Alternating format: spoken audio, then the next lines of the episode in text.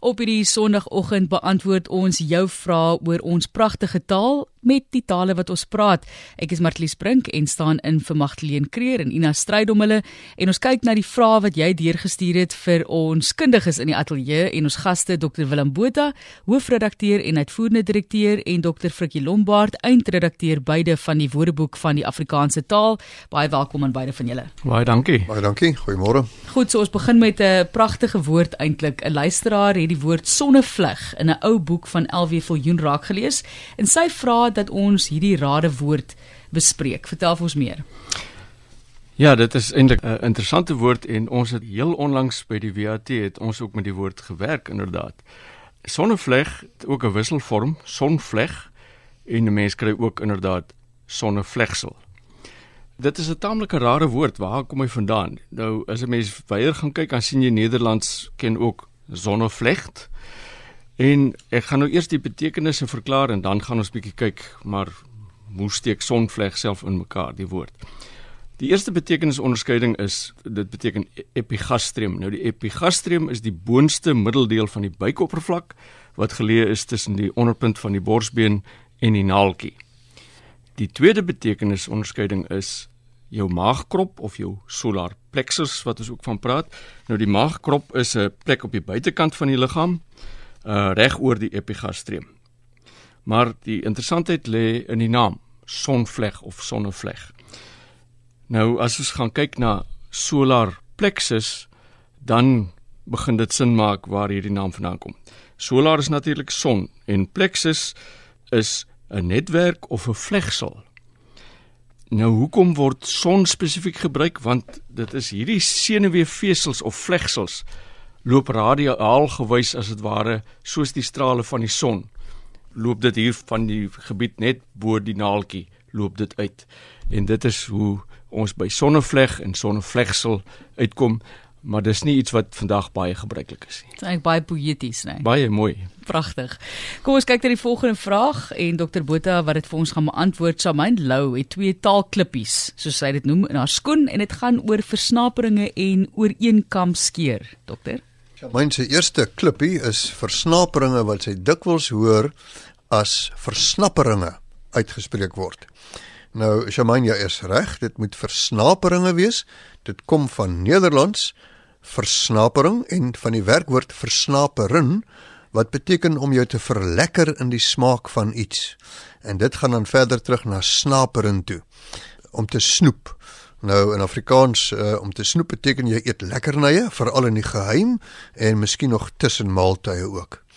Nou maar tweede klippie is die feit dat mense praat van onder dieselfde kam skeer in plaas van oor dieselfde kam skeer. Nou dit is 'n erkende uitdrukking in Afrikaans, oor dieselfde kam skeer en dit is ontleen aan die wewery, aan die weefkuns. En die kam wat hier ter sprake is, is die wewerskam wat breed en fyn is.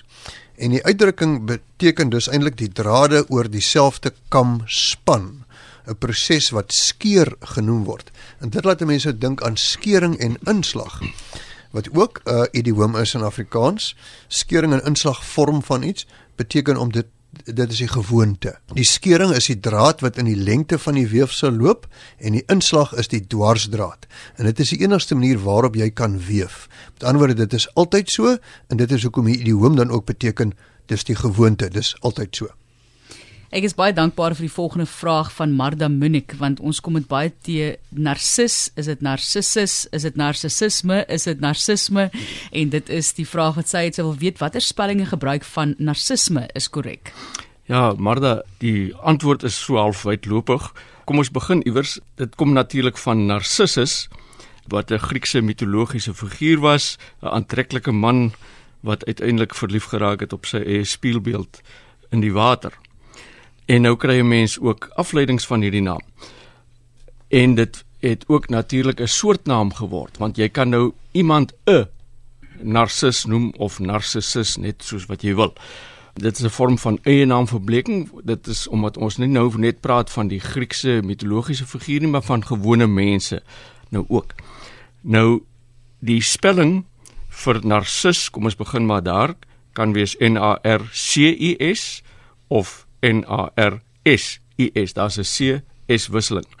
Maar jy kan ook vir die persoon sê hy's 'n narcissus, met ander woorde N A R C I S S I S of N A R S I S S I S. Nou dieselfde geld dan vir afleidings soos narcisme of narcissisme en dit kan telkens dan ook geskryf word met of 'n C of 'n S. En ons kry natuurlik ook afleidings soos narcisties of narcissisties weer eens met die wisseling van die C en die S. Ag, jy weet, dit is hier op die tale wat ons praat waar ons jou vrae beantwoord en die volgende een van Dr. Rodney Edgecombe van Kaapstad. Hy wil graag weet of daar 'n taalwetenskaplike verklaring is daarvoor dat gate die meervoud van gat is en nie gatte nie. Ja, goed, uh, Dr. Rodney antwoord. Dit is so, maar dit hang ook af van watter gat jy praat. As jy praat van 'n mens of 'n dier se agterend, dan is die meervoud gatte en die verklein word gatjie. Maar as dit enige ander gat is, dan is dit gate en gaatjie. En die rede hiervoor is dat een van die grondbeginsels van die Afrikaanse spelling is dat ons die Nederlandse spelling volg. En die Nederlandse spelling vir die meervoud van gat is gate, behalwe nou as dit kom by jou agterend. En dit word deur ons gevolg. Nog een wat so werk is bloedvat word bloedvate. Maar dit werk nie soos katte en matte en latte nie en ons volg dood eenvoudig die Nederlands. Wat baie interessant is by bloedvat in sommige samestellings kry jy daar die lang A gespel soos 'n bloedvaatstelsel. Maar het ook 'n wisselvorm bloedvatstelsel en ook dit kry ons uit die Nederlands. Die Nederlanders praat byvoorbeeld van vaatchirurgie. Dit is chirurgie op die bloedvate. In Afrikaans dan nou die eienaardige meervoud van gat, naamlik gate, is direk te wyd aan die Nederlandse spelling. Die volgende vraag Gert van Pretoria wat vra dat ons oor die herkoms van mombakkies gesels. Ja, Gert, kom ons praat maar eers oor die betekenisonderskeidings wat ons kry. Dat 'n uh, mombakkies is 'n masker wat jy dra dikwels om iemand die skrik op die lyf te ja of om dan nou so 'n persoon te vermaak of die tipe wat mense sien in films by mooi maskerballe dra die mense altyd so 'n soort masker wat ook 'n mombakkies genoem kan word. Ons sal eerder van masker praat as jy nou by 'n maskerbal is, maar dit is in wese ook 'n soort mombakkies. Dit kan ook gebruik word vir 'n gesigsuitdrukking waarmee iemand sy ware aard of emosies verberg, maar in die opsig is masker ook meer gebruiklik. Nou dis 'n samestelling. Eh, ons kry dit uit Nederlands uit. Ons ken bakkies. Ons gebruik bakkies algemeen. Dit is maar gesig, maar wat is die mom dan nou? Die mom is gewoon masker. So as jy 'n mombakkies dra, dra jy eintlik 'n masker gesig. Ons kan ook kyk na die werkwoord wat ons kry vir mom. Met ander woorde jy maak eintlik so dat jy anders lyk as wat jy normaalweg lyk deurdat jy 'n soort masker dra. En vir hom se eh, betekenis dit natuurlik uitgebrei. Dis nie net 'n masker wat jy dra nou nie, maar jy laat jou anders lyk op een of ander manier. Dan vermom jy jou. Maar aan, aanvanklik was dit gewoon dan 'n masker wat jy gedra het om jou anders te laat lyk sodat mense jou nie kan herken nie. So kan ons nou praat van mombakkie partytjies. Ek sal ek sal nie so ver gaan nie want ek dink jy weet ons verkies in die geval maar om van masker te praat en maskerbal eerder as 'n mombakkiesbal of so dit is om ding bietjie af te plat. Maar dit het dit het op dieselfde neergekom op 'n stadium eintlik. Baie dankie Gert van Pretoria. Jackie van 'n Kolf se vraag is volgende. Hy skryf dat sy vriend Bux Barnard 'n eie woord vir spinning geskep het, daardie aktiwiteit op die stilstaande fiets. Fiks fiks. Ja, die die woord waarmee hulle vorendag gekom het is toltrap. Nou in sigself is dit vir my 'n mooi woord. Jy trap en die wiel tol, maar jy is op pad na nêrens. So jy's besig om te toltrap. Jy tol net die wiel voor jou die hele tyd. Ek het gaan soek en ek kry enkele opgawes van toltrap in die koerante. My waarheid is hy 2. Ek het ook iets gekry soos aerobiese fietsry en ek sien die HAT het 'n toltrap opgeneem maar ook spinning, want dit gaan hier oor spinning teenoor toltrap. Ek vind dit 'n heel mooi woord, maar ek vind nog nie genoeg bewys in Afrikaans om dit as gevestig te beskou nie terwyl spinning is redelik goed gevestig. Die interessante ding van spinning is dat dit eintlik 'n handelsnaam is. Dit kom uit Engels spinning, dis die handelsnaam vir die soort fiets, die soort oefenfiets waarop jy dan nou spinning beoefen. En dit is nou gewoonlik in groepsgewand, groepsverband in 'n gimnasium op die maat van sterk ritmiese musiek. En jy trap dan nou hierdie spesiale oefenfiets met swaar met 'n swaarder gemaakte vliegwiel teen verskillende weerstande en teen verskillende rotasiesnelhede van die pedale. So, ehm um, Jakkie, dit lyk nie vir my of toltrap ehm um, goed genoeg gevestig is op hierdie stadium om dit te aanvaar as 'n sinoniem vir spinning nie. Ons moet maar dophou of hy hom gaan verdring. Maar uh, die interessantheid hier is dat spinning is eintlik 'n handelsnaam. Ek dink op die fiets, ek nog nie gaan kyk nie, maar jy kry uh, verskillende soorte oefenfietsse, maar op hierdie fiets dink ek staan daar spinning. Dis 'n spinning fiets. Ons volgende vraag is van Karin Du Plessis en sy wil graag weet wat is die herkoms van skrapnel? Ja, ek begin maar altyd by die by die betekenis want party uh, van ons luisteraars ken nie die betekenis miskien so heel goed nie. Skrapnel is klein balletjies of koels of ander fragmente waarmee jy 'n ploftoestel vul en wat dan uiteindelik as jy die toestel laat ontplof dan skiet hulle in alle rigtings en rig dan groot skade aan. Dit kan ook fragmente wees byvoorbeeld van 'n koel wat versplinter. Dit dit noem mense ook skrapnel. En dan verouderde gebruik daarvan is eh, 'n uh, granaat of 'n projektiel of 'n ander ploftoestel wat met skrapnel gevul is soos dit onder andere hier deur Gustav Preller aangedui word in sy boek Oorlogsoormag. Hy was net by sy perd gekom toe 'n koel uit 'n barstende skrapnel hom in die regterboarm tref. Maar waar kom dit vandaan? Nou, die Engelse het 'n generaal gehad, H. Shrapnel wat die toestel in 183 uitgevind het en wat ons kan byvoeg is dit is taamlik wyd gebruik ook in die sogenaamde Suid-Afrikaanse oorlog. Jy is ingeskakel op Itale wat ons praat hier op RSG en ons kyk na die vrae wat jy deurgestuur het. Baie interessant is indien jy nou pas ingeskakel het, jy kan die program ook op potgooi gaan beluister want daarso het ons nou al reeds vroeër in die program Sonnevleg bespreek oor eenkam skeer versnaperinge, die regte vorm van narcisme en dan ook gat wat uh, nie gatte word nie, maar gate word mombakkies en so meer. Gaan kyk gerus op ons webblad vir daardie potgooi. Die volgende is oor 'n sê ding nou Afrikaans Afrikaans ryk aan spreekwoorde en sê dinge en ook van streek tot streek wat dit baie verskil en baie interessant om dit te hoor ook uit mense se volksmond. Die een wat Audrey de Tooi oorvra is laat ouma maar lê. Dis iets wat sy gereeld gebruik en sy wonder of dit weier bekend is. Ja, Audrey het vir ons hierdie uitdrukking gestuur laat ouma maar lê en sy sê die betekenis daarvan is los die onbeduidende sake en konsentreer op wat belangrik is. Jy kan dit ook gebruik as 'n paai woord vir iemand wat hom onnodig bekommer. Laat ouma maar lê. Moenie vir jou bekommer nie.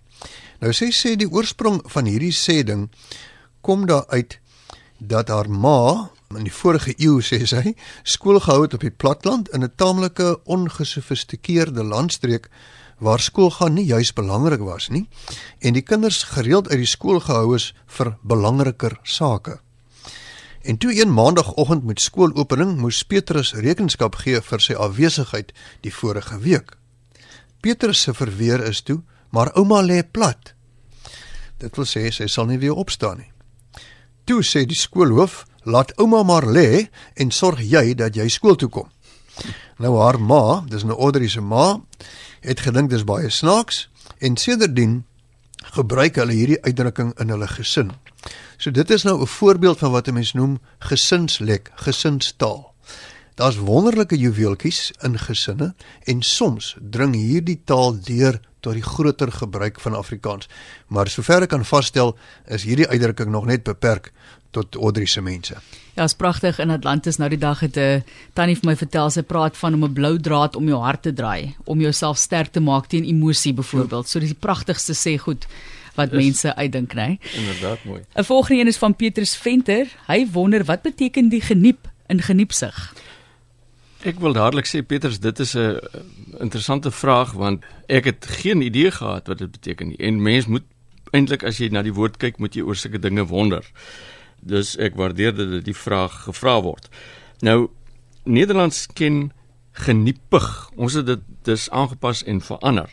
Maar wat is die wat is nou geniep. Eintlik. Geniep beteken gewoon duisternis of verborgenheid. En as die Nederlanders sê in het geniep iets doen, dan word dit heimlik gedoen. Mense weet nie daarvan nie, agteraf gedoen. Geniepig het dan ook beteken wat boosaardige streke in die geheim bedryf volgens die Nederlands. Later het daar 'n ander betekenis bygekom en dit is waar ons geniepse gebruik waar jy mense eintlik seermaak of afknou. Maar die bygedagte was altyd dat dit eintlik op in die geheim geskied het, agteraf geskied het sodat mense nie daarvan weet nie. So agter die geniepsig wat was dat jy mense seermaak, het die geniep gedeelte altyd gelê so dit was as dit ware in die duisternis gedoen. Mense moes net nie daarvan geweet het nie. Nou 'n ander betekenis wat later bygekom het is waar geniepsig beteken min of meer so iets soos skerp, snydend. Byvoorbeeld geniepsige kommentaar wat jy lewer of geniepsige kritiek. En dan die laaste, maar dit is iets wat min of meer in ons taal verdwyn het, iemand wat geniepsig is of dan nou gewoonlik geniepsig is, is 'n geniepsigerd genoem maar ek dink nie dit word algemeen gebruik meer nie. Nou mens sal seker net nie in 'n werkwoord verander waar jy sê moenie so geniep wees nie. Nee, dit het ons nou nie moenie so geniep nie. Nee, dit dit jy weet ons sal maar altyd sê moenie so geniep sig wees, wees nie. nie. Ja. ja. Ons volgende vraag kom van Sakkie Rust. 'n Sakkie Rust vra waar die laaste deel van doelwit, naamlik wit, vandaan kom en wat dit beteken. Ja, Sakkie, as jy in 'n in 'n Nederlandse woordeboek kyk by doelwit, dan is die eerste betekenis doeteenvoudig het wit van die skietskyf. Met ander woorde daai wit verwys na die wit kol van die skietskyf. So jou doel wit is daardie wit kol wat jou doel is as jy skuifskiet beoefen. En later het daaruit ontwikkel die betekenis dit wat jy wil bereik met jou handelinge. So doelwit letterlik bestaan uit doel plus wit en die wit is die wit kol van die skietskuif en later het dit dan geword jou doelstelling wat jy wil bereik. Ehm um, net soos jy met die skiet na die kol met die doel om dit raak te skiet. Interessant daar in die beplanningswêreld ehm um, is 'n doelwit 'n korttermyndoel en 'n doelstelling is 'n langtermyndoel. Maar uh, vir ons doel, daardie wit is letterlik die wit van die skietskuif. En ons het nog een laaste vraag wat ons kan inpas vandag. Johan van Vierendal vra of jy oor sluipskitter, skerpskitter en skuilskitter kan gesels. Ja, en dit pas nou mooi by die vorige vraag oor doelwit, nê, nee, wat jy wil tref. Johan sê dat daar's duidelik verwarring onder oudgediendes, mense wat nou in die leer was, oor die betekeniswaarde van die woorde so skerpskitter, skuilskitter en sluipskitter. Nou ek het gaan kyk in die militêre woordeboek wat daar by ons by die werk op die rak is, want dit ontwar dikwels dinge vir 'n mens. Ek wil begin deur te sê dat skuilskutter is nie in die militêre woordeboek nie, ook nie in Faro se tweetalige woordeboek nie en en in die WAT verwys ons dit gewoon na sluipskutter. Dit is dis nie 'n baie algemene ding nie. Maar kom ons begin maar by skerpskutter want dit is die een wat ons algemeen ken. Dit word op twee maniere vertaal. Die eerste is die Engels sê marksman. Met ander woorde, jy's 'n lid van gewone magte en jy is bedrewe met skiet. Jy skiet goed. Toe ek in die weermag was, het ons uh, as jy vir 'n skietoefening gaan, dan lê jy nou aan op 'n teiken en jy kry 'n sekere groot totaal. As jou groot totaal, ek verdink dit was so iets soos 218 uit 250 was, dan het jy gekwalifiseer as 'n skerpskutter. Met ander woorde, dit het maar net aangedui jy is 'n beter as gemiddelde skut en jy het ook 'n balkie gekry met 'n blink geweertjie daarop wat jy met groot trots kon dra. Die tweede betekenis wat skerpskutter het, word vertaal in Engels met sharp shooter. Dit is ook lid van 'n militêre eenheid, dikwels 'n taamlike spesialis eenheid en hy word aangewend in skermutselings of op buiteposte waar jy met groot akkuraatheid moet kan skiet. So, daar's marksman en sharpshooter. Nou 'n sluipskutter word vertaal met sniper. 'n Sluipskutter is gewoonlik maar ook 'n skerpskutter met ander woorde iemand wat besonder goed moet skiet, maar hy verberg homself om die vyand, soos dit staan in die woordeboek te kwel deur individue te skiet, gewoonlik mense wat jy identifiseer as mense wat rang het sodat jy die mense van hulle leierskap ontneem. En gewoonlik word dit gedoen op 'n bitterlang afstand en daarom skiet jy ook met 'n teleskopiese visier. So daar is verwantskap tussen die goeters, maar ek hoop hierdie maak dit nou duidelik wat is die verskil presies. Dit is hier op RSG die talle wat ons praat dan sluipskitter, skerpskitter en skuilskitter waarmee ons die program vandag afsluit. Dr Willem Botha en Dr Frikkie Lombard weer saam met ons hier in die ateljee met die Woordeboek van die Afrikaanse taal wat daardie insig vir ons bied en die kennis oordra van ons taal. En volgende keer kyk ons na vrae oor kleinnoot viertoring of ligtoring en mense wat praat van die woord baie wat ons baie gebruik. Dit is net hier op 100 tot 104 FM.